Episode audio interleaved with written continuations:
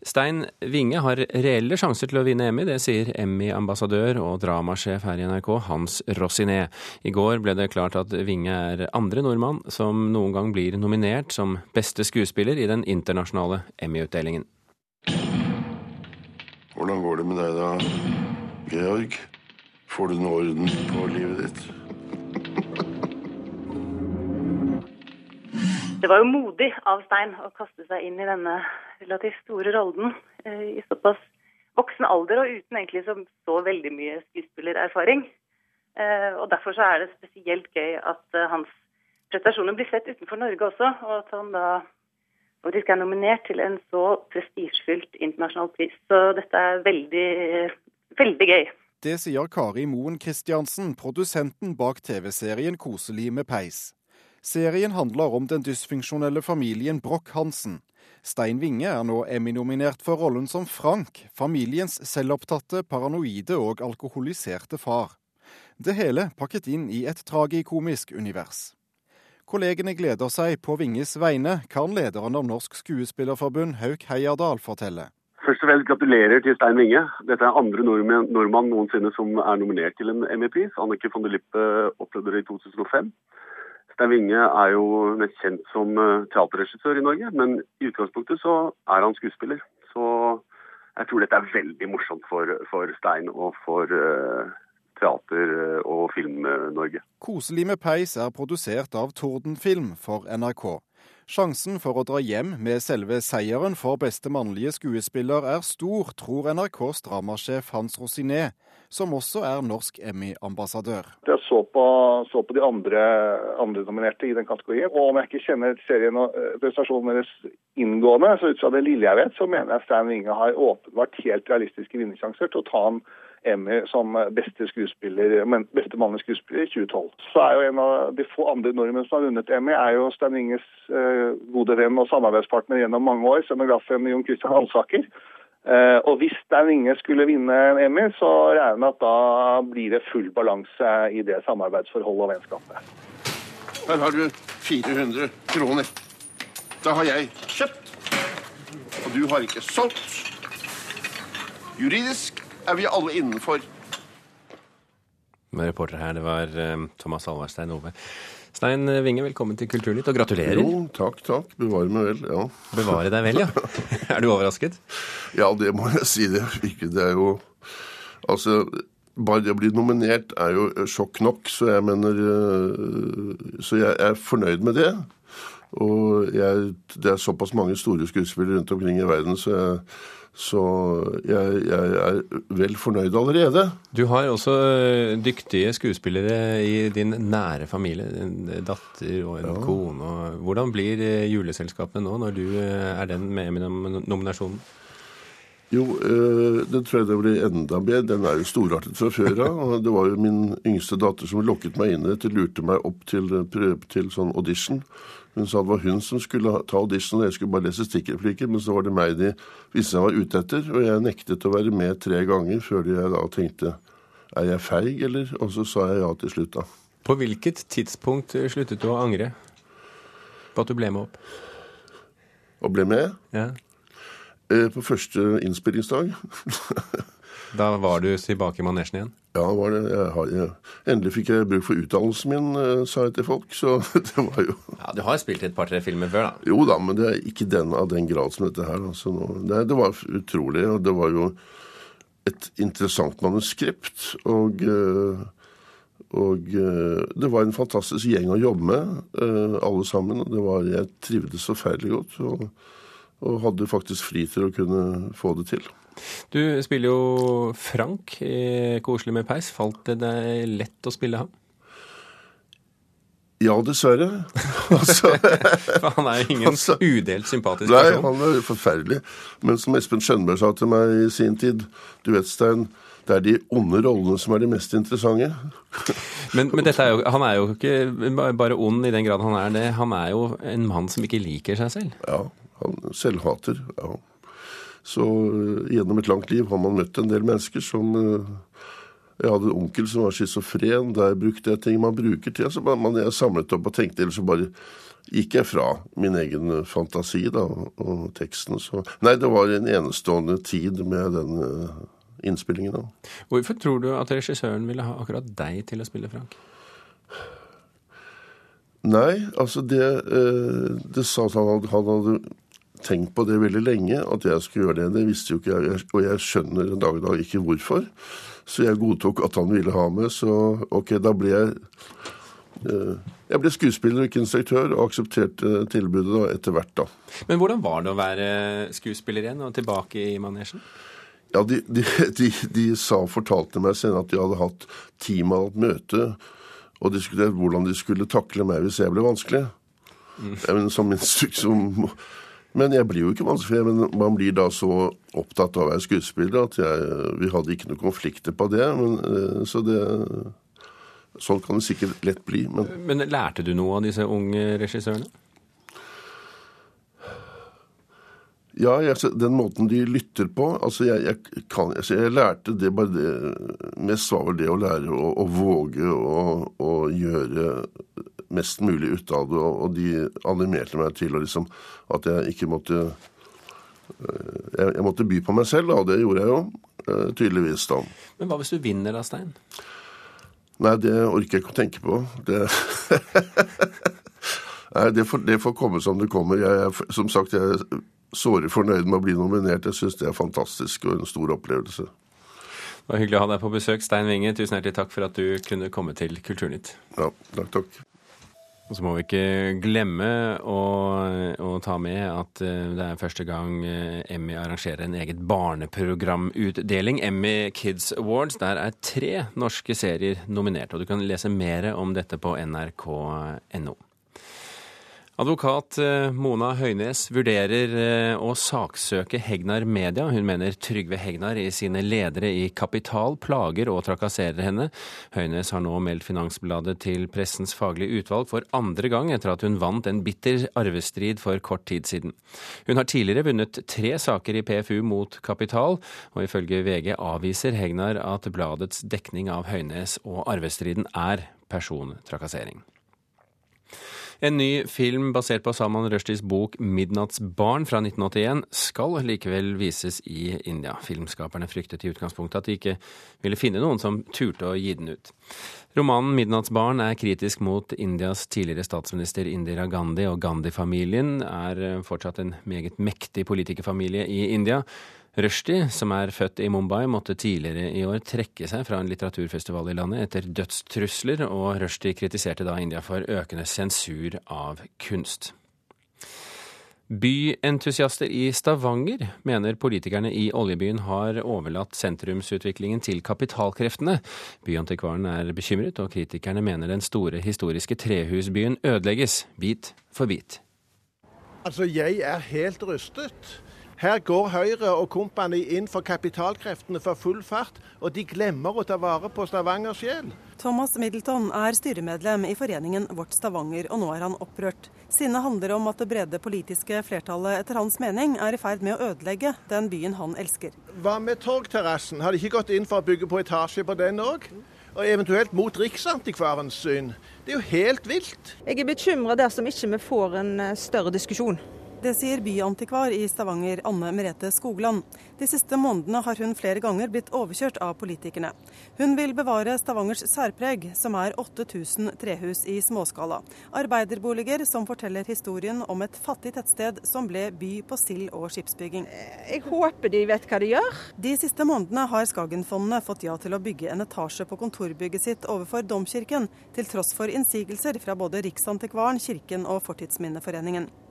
Utstyrsforretningen Norem Både skal drives for å gi plass til kleskjeden Sara, selv om byantikvaren ville bevare den tidstypiske fasaden. Og på Holmen skal fem gamle trehus rives for å bygge et storhotell, selv om fylkeskommunen har varslet innsigelse. Skogland liker det ikke. Eh, fra mitt ståsted nå så syns jeg at eh, Holmen-prosjektet er iallfall to etasjer for høyt. Men det som da skjer, er at når det først kommer opp sånne eh, høye hus, så er det det som på en måte blir retningsgivende for eh, det som bygges nytt. Og hvis alle de nye byggene innenfor sentrumshalvøya skal strekke seg så høyt, så endrer vi jo dominansen i bybildet. samtidig som vi skal verne en del eiendommer i Stavanger sentrum, så skal vi òg lage et levende sentrum som både næringslivet kan leve av, og byens innbyggere kan kose seg og handle og nyte å være i Stavanger sentrum. Det sier byutviklingspolitiker fra Høyre, Kristen Høyer Mathiassen. Bakgrunnen for striden er bl.a. at Trehusbyen står på Riksantikvarens liste over kulturmiljøer med nasjonal interesse. Sentrum er regulert til spesialområdebevaring, og Trehusbyen er prioritert i kulturminneplanen. Men i praksis føres nå en ny politikk som ikke tar hensyn til planene, mener Middleton. De gir blaffen i gjeldende vedtatte planer, og de har et ansvar for å ta vare på denne historiske byen. og Det gjør de ikke. De løper bare næringens interesser. Jeg mener bestemt at vi er vårt ansvar bevisst. Og vi må òg legge forholdene til rette for næringslivet. På 50-tallet sørget Einar Hedéns engasjement for at bydelen Gamle Stavanger ikke ble jevnet med jorda, slik politikerne ville. I dag er de små hvitmalte husene byens største turistattraksjon. So beautiful and white. And now you know they are discussing whether they need to modernize a bit. No, no, no, we need to preserve this as, as it is. Yeah. De japanske turistene i gamle Stavanger har ikke kommet fra Tokyo for å se høyhus. Både byantikvaren og Thomas Middleton frykter at politikerne ikke har lært av historien, at de må bruke den gamle bebyggelsen til å skape liv i byen, i stedet for å rive den. Jo, men vi kan ikke leve av bare attraksjoner, vi må ha andre ting òg i en sentrum. Reporter her, det var Anette Johansen Espeland. Om to dager kunngjøres Nobels litteraturpris, verdens største kulturpris, på ti millioner svenske kroner. I fjor var det ikke alle som ble like overrasket da Thomas Tranströmer ble presentert som vinner, for på spillbørsen ble han plutselig storfavoritt tidligere på dagen. Det samme kan skje i år, tror spillselskap. The Nobel Prize in Literature for 2011 is awarded the Swedish poet Thomas Tranströmer. Jubelen runget da den svenske poeten Thomas Tranströmer ble utnevnt som vinner av Nobelprisen i litteratur torsdag 6.10 i fjor. Det skjedde klokken 13.00 hos Svenska Akademien. Men et par timer før det begynte noen plutselig å satse høye pengesummer på at Tranströmer skulle vinne, og oddsen stupte. Men redan på förmiddagen hade det spelats ovanligt mycket på just Thomas Tranströmer. Disse nyhetene fikk varsellampene til å lyse hos Sveriges statsadvokat Ulf Johansson. Han satte Riksenheten mot korrupsjon til å undersøke om det kunne være snakk om en lekkasje fra de innerste sirkler i Svenske Akademien. Hva vi gjorde, var at, at vi eh, tok kontakt med, med Svenska Akademien. Og vi tok også kontakt med de spelbolag som var, var aktuelle, for att eh, nærmere upplysa oss om, om hva det var som hadde inträffat for noe. Men Riksenheten mot korrupsjon fant ikke nok bevis på lekkasjer i sine innledende undersøkelser, og måtte legge saken på hylla. I Sverige, liksom i Norge, så får vi ikke utrede, får vi ikke sitte og utrede saker og ting bare for at vi syns det er kul, utan Vi skal jo alltid ha en tilrekkelig grunn for vår mistanke, og da skal vi opp litt i mistankenivå. Og den nivåen har vi ikke kommet opp i. Torsdag denne uken kan historien gjenta seg. Da blir det nemlig kjent hvem som blir årets vinner av Nobels litteraturpris. Vi får håpe at vi blir like overraska som det dere blir når det blir offentliggjort. Kim Ruud Pettersen i spillselskapet Nordic Bet er redd vi også i år kan få vite navnet på nobelprisvinneren via oddsen før det blir offentliggjort fra Svenskeakademien. Når det gjelder eh, hvem som vinner, så er det jo i slike uttellinger alltid en viss fare for at enkelte enkeltpersoner vet svaret, og noen klarer ikke å holde på det. Spillselskapet er et av flere som tilbyr tipping på kulturbegivenheter og kåringer. Du kan bl.a. sette pengene dine på hvem som kommer til å bli nevnt i kongens nyttårstale, hvem som vil vinne Eurovision Song Contest, eller hvorvidt det nye albumet til Kiss vil toppe Billboard-listen innen 1.1. Men oddsspill på kultur og kåringer er spesielt sårbart for lekkasjejuks, forteller Pettersen. Med så begrensa innsatser og så mye risiko som vi tar på slike eventer, så vet vi jo at det er enkeltmennesker som vet mer enn oss. og Det er selvsagt beregna inn i der. Og vel, noen av dem kanskje burde ha holdt kjeften sin litt lengre enn det de har klart å gjort. Og Svenska Akademien vil ikke si noe om dette til NRK. Reporter her, det var Ina Strøm. Litteraturkritiker eh, Marta Norheim i NRK. Hvem er de hotteste forfatterne til å få årets nobelpris i litteratur? Ja, jeg har prøvd å kikke litt på spekulasjoner i utenlandske aviser. Det viser seg at disse, disse listene de har faktisk en veldig stor autoritet. Sånn at eh, mange av de som driver og, og, og spekulerer, tar nettopp utgangspunkt i listene. Og da du sier listene, så snakker vi om uh, spillselskapene sine lister? Spillselskapene sine lister, ja. Uh, og, det er jo så langt siden egentlig kommer, fordi at uh, Svenske Akademien prøver iallfall å holde kortene til brystet. Uh, og det er ingen nominasjoner her. Det er 600-700 personer og institusjoner som kan melde inn eh, kandidater, eh, men de skal helst ikke si det heller til noen. Så Derfor så er det jo en veldig stor ryktebørs, eh, det hele. Så hvem ligger på topp? på Ledbrokes liste så har Haruki Murakami, japansk forfatter, ligget ganske stabilt nå i, i ukevis. Flere år, egentlig? ja, han har vel ikke ligget på toppen i flere år, men, men han har liksom ligget og, og, og vaka der, så han er åpenbart et veldig aktuelt navn. Det er også kanskje, og, og på tredjeplass i dag ligger kineseren Mo Yan, kanskje et signal til, til Svenske Akademien om at nå er det på tide å komme seg ut av Europa. Har vi vært for lenge i Europa med de siste prisene? Ja, for lenge. Det er jo en smakssak. Eh, det har vært et veldig sterkt europeisk tyngdepunkt. Altså I løpet av de 17 siste åra er det fire priser som har gått til folk som ikke er europeere. Alle de har det til felles at de er veldig knytta til Europa, enten gjennom at de bor der, eller at de forholder seg veldig aktivt til europeisk litteratur. Så det er liksom det begynte som en europeisk pris, og nå er det i ferd med å bli en europeisk pris igjen.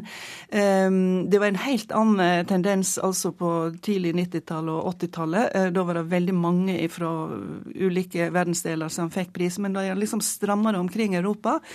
Eh, og jeg veit ikke hvorfor de gjør det. Det har åpenbart Altså, det er ikke noe med at folk får eh, prisen som ikke fortjener prisen. Men det er jo mer hva slags type profil du vil ha på prisen, og den er i ferd med å bli europeisk. Men Betyr det også at den er i ferd med å miste sitt gode rykte? I USA har han hatt et dårlig rykte i noen år, ikke minst etter at Horas Engdahl, som da var sekretær, sa at det fins ikke noe spennende litteratur å gi prisen til i USA. Den glemmer de ikke. Eh, og, det var òg Jeg vet ikke hva han mente med det, men det var vitner om i, i, beste fall dårlig lesing av amerikansk litteratur. Men er det noen norske som ligger an til noe som helst? Nei. Altså det, ligger, det er fem norske på lista, men du gir ikke prisen til en norsk forfatter året etter at du har gitt det til en svensk forfatter. Da blir det jo en nordisk pris, og der vil de ikke gjøre det. Eh, de siste årene er det mange gamle ringrever som har fått eh, prisen eh, før det er for sent. Kan man få følelsen av Hva tror du om det?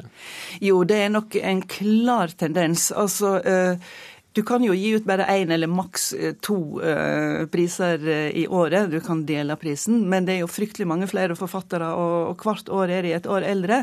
Og de har jo fått kritikk for en del forfattere som de ikke har gitt prisen til før de døde.